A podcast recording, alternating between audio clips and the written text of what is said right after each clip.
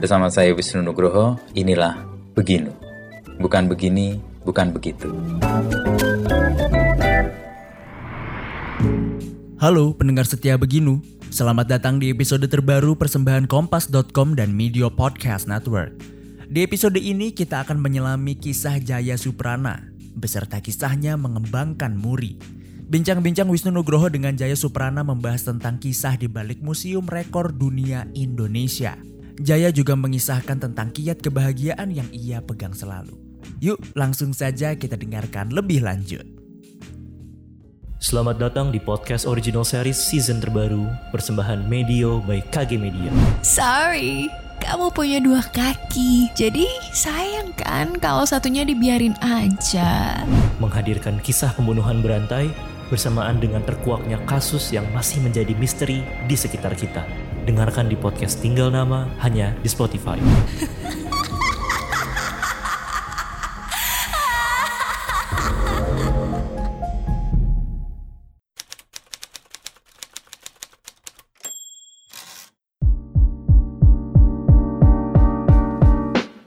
Sekarang Muri nih ya Pak Jaya. Ya, Nah, ini- ya ini kita kan di tengah muri ini. Nah, ya. persis. Apa yang memunculkan ide atau yang membuat Pak Jaya gandrung dengan capaian-capaian yang kemudian di record dan disampaikan kepada publik? Kalau gandrungnya itu sudah lama, Lama, sekali oke. saya mengagumi prestasi superlatif. Prestasi superlatif. Nah, kalau lahirnya Muri itu karena karena sakit hati. Karena sakit hati. Sakit hati. Ya gini. Dulu kan saya belum mikir apa-apa kan senang anu, tentang anu, Superlatif. Rekod-rekod superlatif. Saya bikin waktu itu festival diam.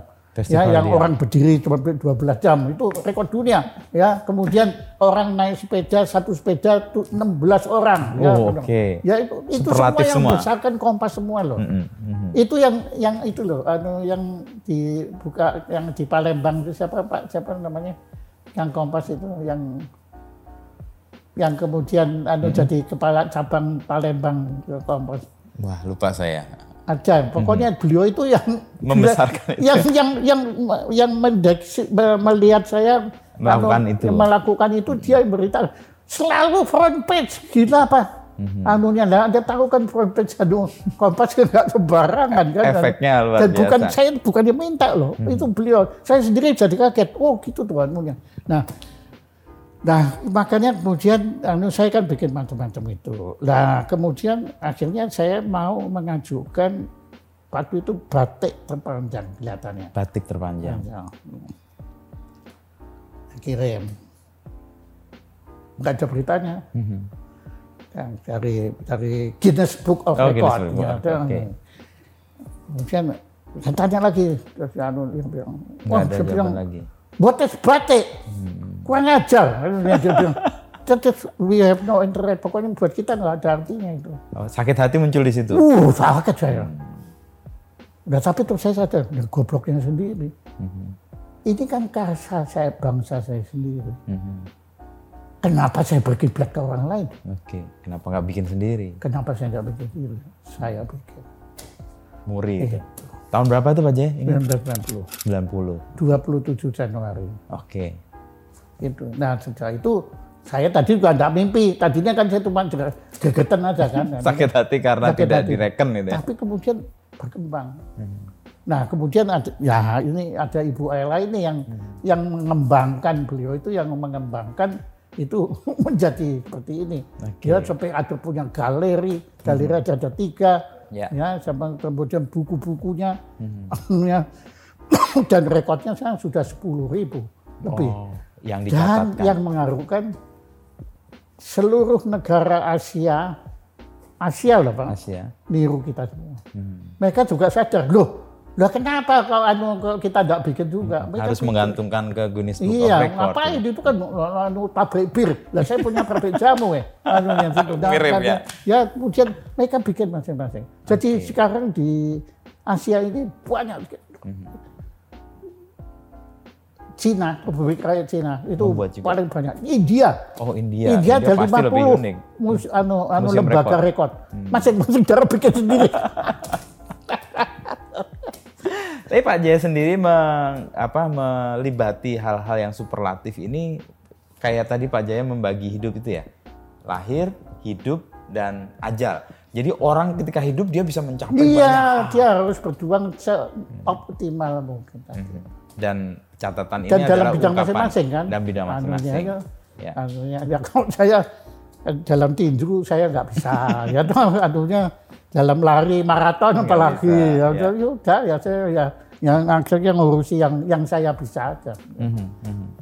Dari catatan-catatan itu untuk Pak Jaya sendiri kira-kira akan berdampak apa untuk generasi atau kemudian yang Dan yang melihat? saya perhatikan sekarang minimal ya kalau anda perhatikan ya itu anu, Ya, eh, tali saman, kemudian setiap Foto. daerah sekarang itu itu Bergerak, mulainya di Lombok. di Lombok.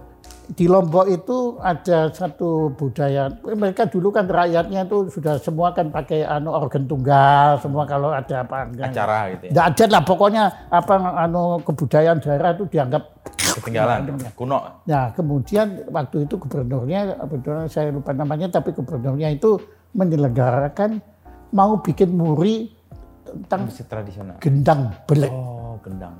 Wih, Pak, itu Pak, itu 4000 Orang 4000 dan pakai gendang belik itu menggelegar itu bumi itu betul-betul sampai kayak gempa. Dan waktu itu semua anu, semua daerah di anu Kerahkan, itu ikut. dipaksa Ah, sehingga oke. bikin gendang anu grup gendang belik masing-masing. untuk bersama-sama Jadi memainkan. kemudian mencapai 4000 itu. Hmm. itu 4000. Kan muri itu kan bukan kualitas tapi kuantitas. Kuantitas, Ya, ya. anu. Nah, tapi dengan kuantitas apa jadi kebangkitan, Pak. Hmm. Setelah itu nggak laku. Apa anu, Organ tunggal. organ tunggal nggak laku. Orang kalau jajatan selalu pakai gendang itu. Tari saman. Kemudian ini ini yang anu eh, di anu, Kayak pokoknya ya? masing-masing daerah itu Punya kekayaan. Wah, dahsyat Pak. Uh, makanya saya sombong sekali dalam nasihat saya terakhir Bhinneka Tunggal Ika, saya bilang, tidak ada tandingannya kita di dunia. Indonesia. Ayo, Ya. saya tantang. Brasilia boleh. Mungkin Hayati kita kalah, tapi kalau peradaan kebudayaan, Kebudayaan mari. kaya. Gila Pak. Tari aja. Ribuan Uh. Dan masih yang baru-baru keluar lagi Pak. muncul lagi ya. Yang lagi. ya. Dahsyat Pak. Artinya Muri ini memang punya wadah yang besar dalam arti memang kekayaan kita memang perlu dicatat semuanya. ya. Iya. Dan kita baru baru segini Pak. Baru 10 ribuan lah. Iya sekarang. kan ini yang belum bergerak di bidang sastra, belum bergerak. Oke. Ya puisi, semua kan punya puisi Pak. Papua itu puisinya kayak apa kan kita belum tahu. Apalagi masih lisan kan. Iya, belum tertulis Anu ya. kan ya itu anunya itu, itu. Oh, bagus. Pokoknya Indonesia Pak. Waduh. Mhm. Dan karena Muri, kecintaan saya terhadap Indonesia itu makin Meluas. makin menjadi-jadi. Makin menjadi-jadi. Pokoknya nggak peduli mau dibilang sombong, mau dibilang apa, pokoknya saya cinta Indonesia. Tapi saya bisa paham kenapa kok dulu wartawan Kompas itu meletakkan itu di front page, Pak. Kenapa? Karena ini kan sesuatu yang unik. Pencapaian superlatif itu kan nilai beritanya tinggi karena kan nggak umum, nggak lazim. Sesuatu yang nggak lazim, sesuatu yang unik, sesuatu yang janggal gitu ya. Pasti nilai beritanya tinggi tuh, makanya ditaruh di front page juga itu. Saya baru tahu tuh kenapa kok tadi Pak Jaya menyebut eh, yang dari Palembang itu ya. Iya, kenapa iya, naruh iya. Ya karena itu memang unik Itu banget. dulu dari Semarang, dia pindah ke, Ke Palembang. Oh. memimpin di sana. Oh, Pak. jadi kepala Dan di Palembang. jasanya Pak Nino terhadap anu kegiatan saya membina wayang orang dahsyat Pak. Pak Nino Nggak ada Pak Laksono. Nino, Mas Nino Laksono, nggak ada itu saya bawa. Itu semua itu kan yang ngompori dengan Pak Nino. Mas Nino ya. Iya. Soal wayang orang sendiri Pak Jaya sendiri melakukan itu, me- memainkan itu atau cuma Enggak, enggak. saya? Kalau main kan walaupun saya sudah dirayu untuk jadi semar, tapi saya enggak mau. Ya dari ya, karena saya merasa enggak mampu ya. Saya tahu batas saya. Ya, orang bilang saya enggak, saya enggak bisa. Kalau main gitu saya enggak bisa. Saya enggak bisa menyanyi. Nggak bisa Juga enggak bisa. Ya. Nah, oke. Anu, kalau itu memang kalau itu terus terang yang berdosa atau berjasa itu R.A. Kosase. Era Akosasi, Mahabharata. Bukan hanya Mahabharata kan, dia Tapi kan ya juga banyak. Ramayana, juga apa Munding Laya di Kusuma dan semua dan Adi Soma.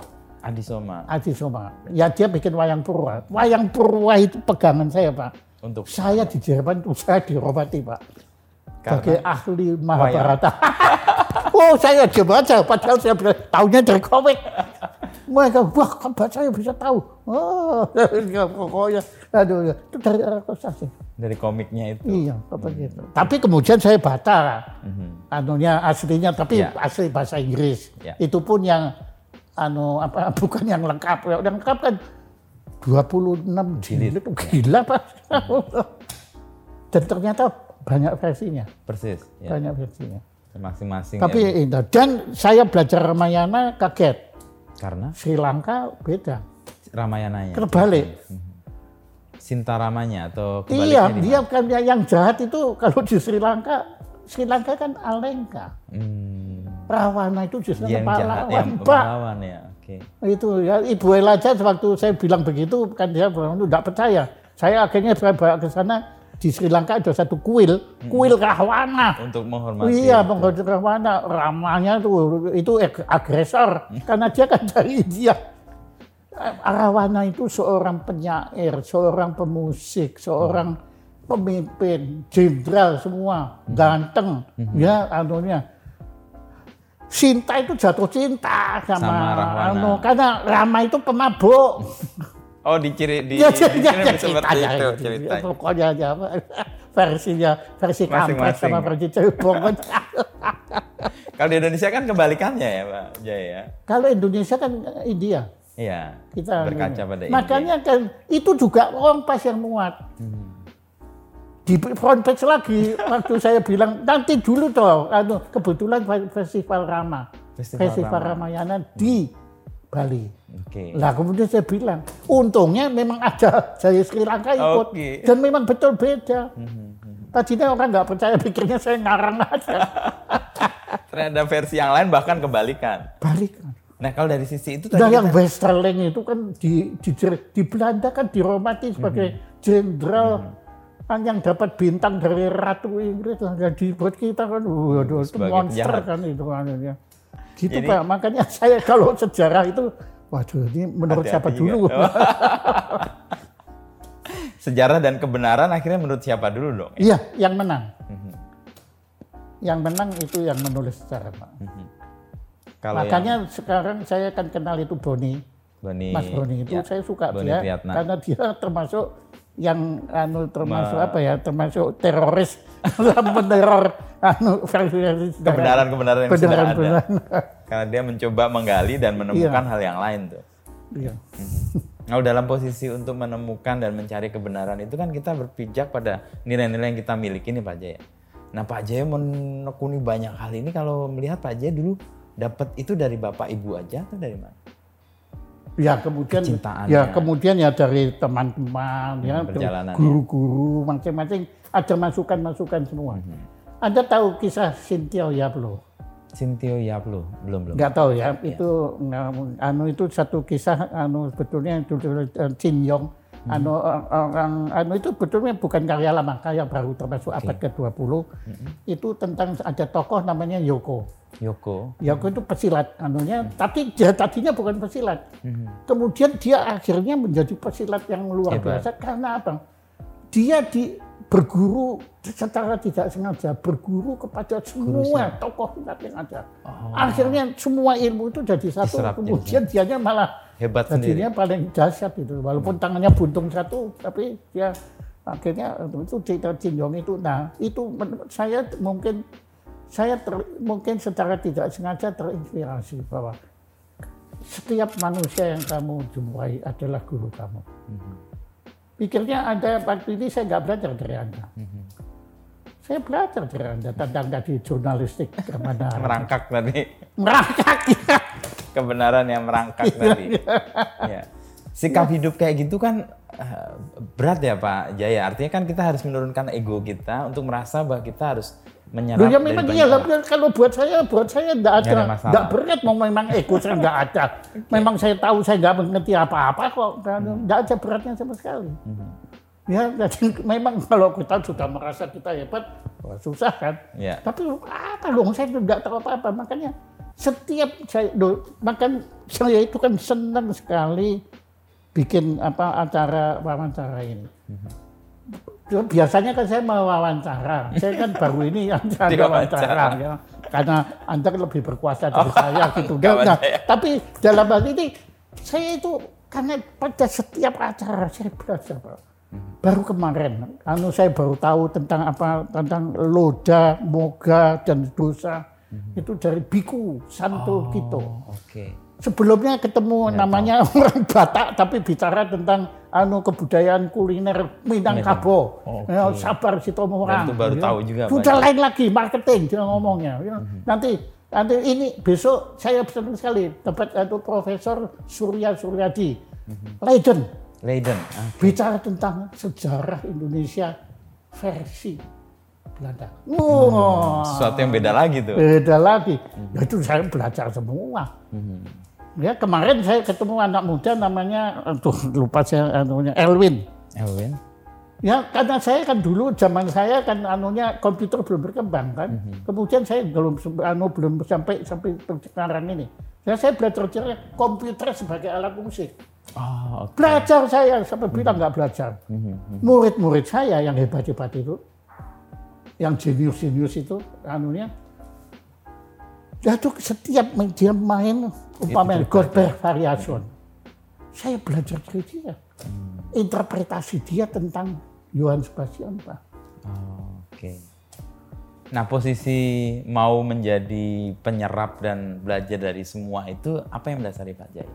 Keserakahan. Serakah untuk belajar, serakah untuk mencari, sekar- serakah untuk menemukan. Iya serakah. Memang saya laku saya serakah. Anda belum lihat, eh, belum pernah lihat saya makan ya. Saya kalau makan tuh kayak, uh, rak- rakus ya pokoknya. Kayaknya tuh, cepet cepet belum masuk semua gitu. Sampai banyak yang ngerti itu nanti pencernaannya sering terganggu karena terlalu cepat dimasukin. tanpa dikunyah. ya itulah adanya. Mhm. Tapi posisi untuk kemudian bisa menyeimbangkan semuanya gimana? Tidak seimbang sama bilang Oh, enggak seimbang. seimbang. Dan buktinya hidup seimbang? dengan bahagia sekarang Dan maka- dia, I enjoy it. Ah, oke. Anda baca buku saya nggak tentang bagaimana apa pedoman menuju tidak bahagia. Belum, belum. gimana, Nah itu, nah itu di situ filosofi saya. Hmm. Ya saya kebahagiaan itu adalah state of mind. State of mind. Oke. Ya kalau kita mau bahagia kita bahagia. Maka indeks kebahagiaan ya sorry aja ya ngukurnya kayak piye gitu. Bahagia Anda sama saya kan beda. Beda ya. Itu state of Nah, mind kita. ngukurnya sentimeter atau pakai apa? Inci, Oke. jempol, jengkal. ya. Dan, dan, tapi, tapi menarik sekali pertanyaan-pertanyaan Anda itu menyadarkan saya bahwa Iya loh, saya itu kenapa kok begini ya? Tapi ya sudah lah, I enjoy it. Hmm, hmm. Anunya dia. Dan ya Menikmati saya ya. bersyukur lah. Ya di situ kan dari buku saya yang tentang bahagia, saya belajar untuk tidak pernah iri.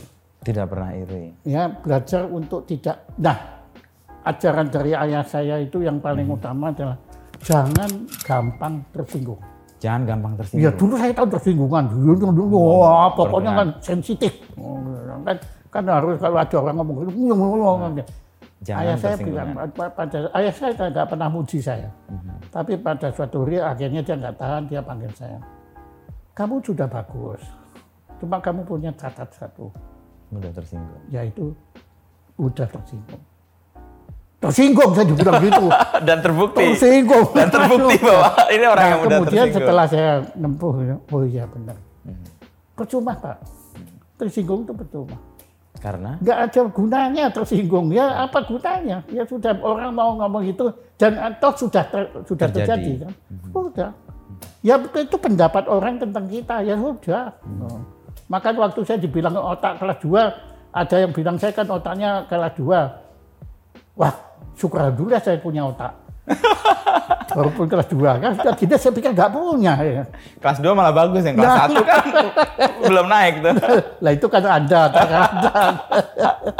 Jadi posisi itu yang membuat Pak Jaya enjoy aja semua. Enjoy Pak, enjoy dan bersyukur. Bersyukur ya. Syukur, menurut saya begini. Dan kata kunci yang lain ikhlas. Ikhlas. Kata ikhlas itu dahsyat Pak. Itu kan bukan bahasa Indonesia, bahasa Arab kan. Arab itu. ya. Dahsyat Pak, dahsyat. Pokoknya nyerah dah. Kalau kalau ada Berserah bilang, ya. Islam kan artinya juga menyerah kan? Apa? Islam. Islam artinya kan berserah, menyerah. gitu. Oh, Islam. Baru tahu saya. Saya juga baca, tahunya Terima baca. Harus kita cek juga itu. Terima kasih. Oh, ya, ada ada ragu-ragu, ada ragu-ragu. Saya mendengar dari beberapa orang, Pak Islam itu artinya Oh, ada berserah, menyerah. ada apa? Agama Anda? Saya Katolik, Pak. Oh, Jaya. iya. Yesuit, Eh, nyaris dididik para Jesuit. Romo Franz. Atau Franz Mark. gitu. Romo Franz itu sangat berarti buat- bagi hidup saya karena dia menurut saya sangat rendah hati dan dia mau ngeladenin saya dan dia yang ngerti kegilaan saya Oke. ngerti dia ngerti betul dan dan dari Romo Franz saya juga dapat izin untuk mempelajari kemanusiaan Ah, persis. itu dan, dan guru saya Sandiawan Sumardi karena dia bukan ilmuwan tapi praktek Praktek ya. Ngelakoni, Dan itu beliau waktu itu sudah bilang, saya mau berguru kemanusiaan, boleh nggak Romo? Oh bagus, tapi ingat, ya ini peringatan beliau. Anda, Pak Jaya akan mendapat perlawanan. Hah? Lu kemanusiaan kan bagus, kok saya bilang, Loh, yang, yang menindas itu, yang Manusia. menindas kemanusiaan pasti ngamuk sama Pak Jaya. Kenapa kau Anda belain rakyat miskin, masyarakat adat itu ngamuk? Bukan? Betul. Kepada Romo Sandiawan tadi. Iya. Belajar soal kemanusiaan. Hmm. Makanya kemudian saya baru sementara ini ya saya anggap mahkota peradaban itu Adalah kemanusiaan tadi ya. lainnya percuma Pak, anu teknologi, manu, seni musik, seni sastra, semua filsafat, politik atau percuma. Semua ditujukan Kalau pada tidak mengerucut pada manusia. Tadi dari Bapak soal tidak tersinggung, ikhlas, iri tadi disebut gimana maksudnya Pak? Jadi- Ya iri, jangan jangan iri, jangan jangan iri kepada dan jangan, jangan banding-bandingkan diri lah. Anunya. Ah, oke. Oh kok dia kok nakmen ya, hidupnya dia kok bahagia. Wang Sinawang lah kalau orang Jawa tuh. Ya itu itu di samping kita nggak bisa merubah, ya cuma isinya jengkel kok dan dendam. Dendam, Dendam itu ya dendam itu kan grogoti kita sendiri kan. merusak jiwa juga itu ya. Ya tapi ya itu kan semua kan pedoman. Mhm. Tetap aja kalau anu itu tersinggung. tapi Terus ingat, cepat cepat Ya. cepat mengerjakan. karena terus ingat ya Pak Jaya. bahwa ini keliru. Nah itu kelirumologi gunanya. Wirmologi kesadaran untuk mengetahui bahwa kita sedang mencari Iya, kebenaran dan untuk mencari kebenaran kita bisa keliru. iya. Dan kita justru karena keliru itu maka kita ber- bergerak kan, merangkak. Merangkak.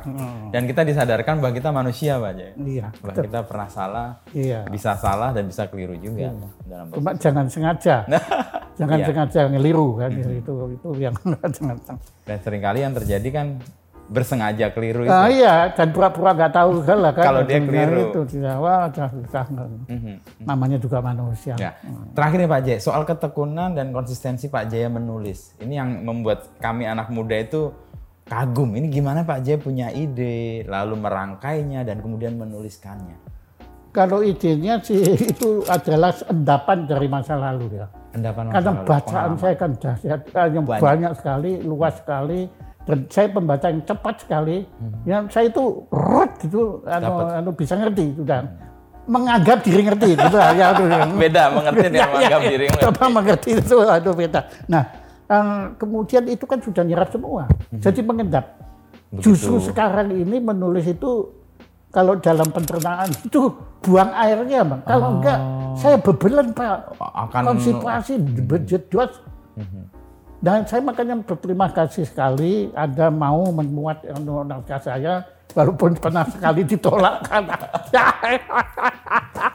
ya tapi yang itu kan semua Anda kan ya wes besake lah gitu lah.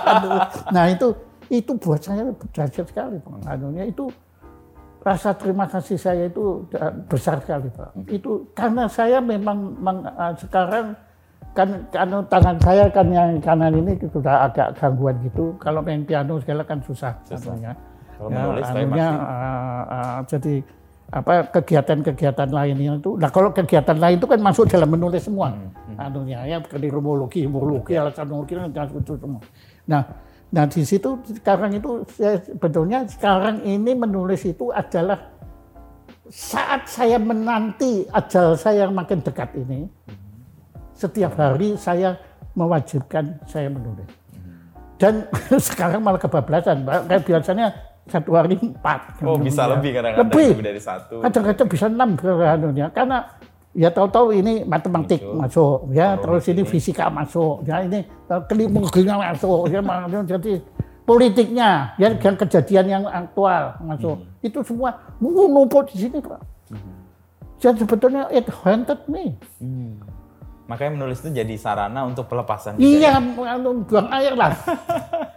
ya baik air kecil, buang besar, termasuk kentut juga. kentut penting loh, Pak. Penting, Pak. Itu Kita nggak tanda bisa kontrol. pencernaan kita lancar. Ya kalau kan? kita apa kalau kita habis operasi saja kan anu, Ditunggu. tanda kalau mau sehat kan kentut. Ya. kan. Flatologi itu ada ilmunya betul. Flat- bukan saya yang bikin loh Hmm. Oh, iya, flatologi. flatologi. Flatologi. Itu. Itu betul ada. Dan ada seniman kentut. Mhm. Dia bisa loh Pak mengeluarkan suara kentut pakai najal. eh jam sepuluh. Lu kan Saking ada yang begini kan Ya, itu ya, pakai ya. mulut tapi ini kentut. Wah saya itu nggak ngerti. ngerti. Tapi yang sekarang menjadi concern penuh dari Pak Jaya terakhir-terakhir ini apa? ya semuanya. Semua itu. ya yang, menjadi semuanya concern. semua itu yang konsentrasi semua tentunya itu yaitu anak pertanyaan anda itu seperti kalau saya kan punya anak banyak gitu kan mana Mana yang anak yang paling paling favorit? paling di bisa. Nggak ada, semua favorit pada saat itu ya favorit ya Oke. tapi pada saat saya mikir aritmatika ya saya cuma aritmatika nanti kalau saya mikir anu ya itu jadi otak saya sudah sudah terbiasa di kapling-kapling. Blok-blok tertentu Iya, gitu ya. Kalau soal kelirumologi, kan di Indonesia yang Pak Jaya men- menurut Pak Jaya paling epic kelirumologinya soal apa? semua ya Semua. Kan eh, saya nggak tahu waktu itu Anda sudah di Kompas belum, kira-kira tahun 2000-an itu, anu, kan saya menyelenggarakan itu award kelirumologi, penghargaan anugerah. Jadi bukannya Nobel tapi anugerah, Anugerah kelirumologi. Itu antara pemenangnya antara Kwek Kianji, kala itu kan anunya, hmm, Sandiawan Sumadi termasuk, Dapat. Pak Ali Sadikin. Ali Sadikin. Saya- Ternyata bangsa Indonesia punya kelirumolog masing-masing. Hmm. Kalau ekonomi Pak Kwik. PKG. Ya, Kalau kemanusiaan, Sandiawan Sumadi. Kalau itu tata kota, Al- Ali Sadikin. Ya toh, waktu itu itu hakim uh, Bismarck Siregar. Bisma Serikat. ya. Itu ya. Mereka itu kelirumolog, kelirumolog semua. Kenapa mereka disebut sebagai kelirumolog? Nah karena mereka kan dalam bidang masing-masing menemukan kekeliruan-kekeliruan dan memberi solusinya. Rizal Ramli itu kelirumolog, kelirumolog anu, anu dahsyat itu. Ya anu itu. Dan orang yang bisa menemukan kekeliruan berarti dia tahu yang tidak keliru kan? Iya. Atau yang di situ. benar atau Iya, acuan itu. Yang yang dia anggap benar, anggap yang benar. dianggap benar. Belum tentu juga dianggap oleh Iya, semuanya. iya, iya betul, betul. Betul yang dianggap. Mhm. Oh, anggap tuh dekra. Dekra kan kok gitu egoisme tuh anggapan, Iya, anggapan kan? itu. Anggapan. Saya berpikir, Anggapanku, saya meragu-ragu. Aku menganggap, aku berpikir. Itu kan anggapan.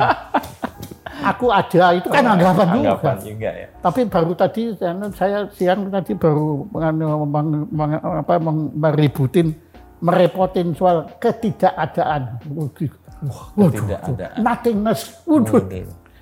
Ketidakadaan itu ada atau enggak Pak Jaya? Nah ya itu dia. Dahsyat loh, nothingness.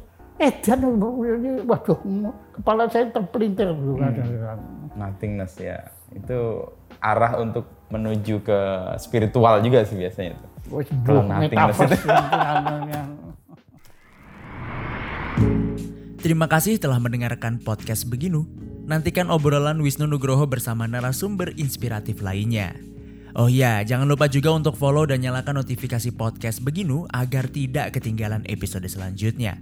Saya Dava Wahyu dan segenap tim Media Podcast Network pamit undur diri. you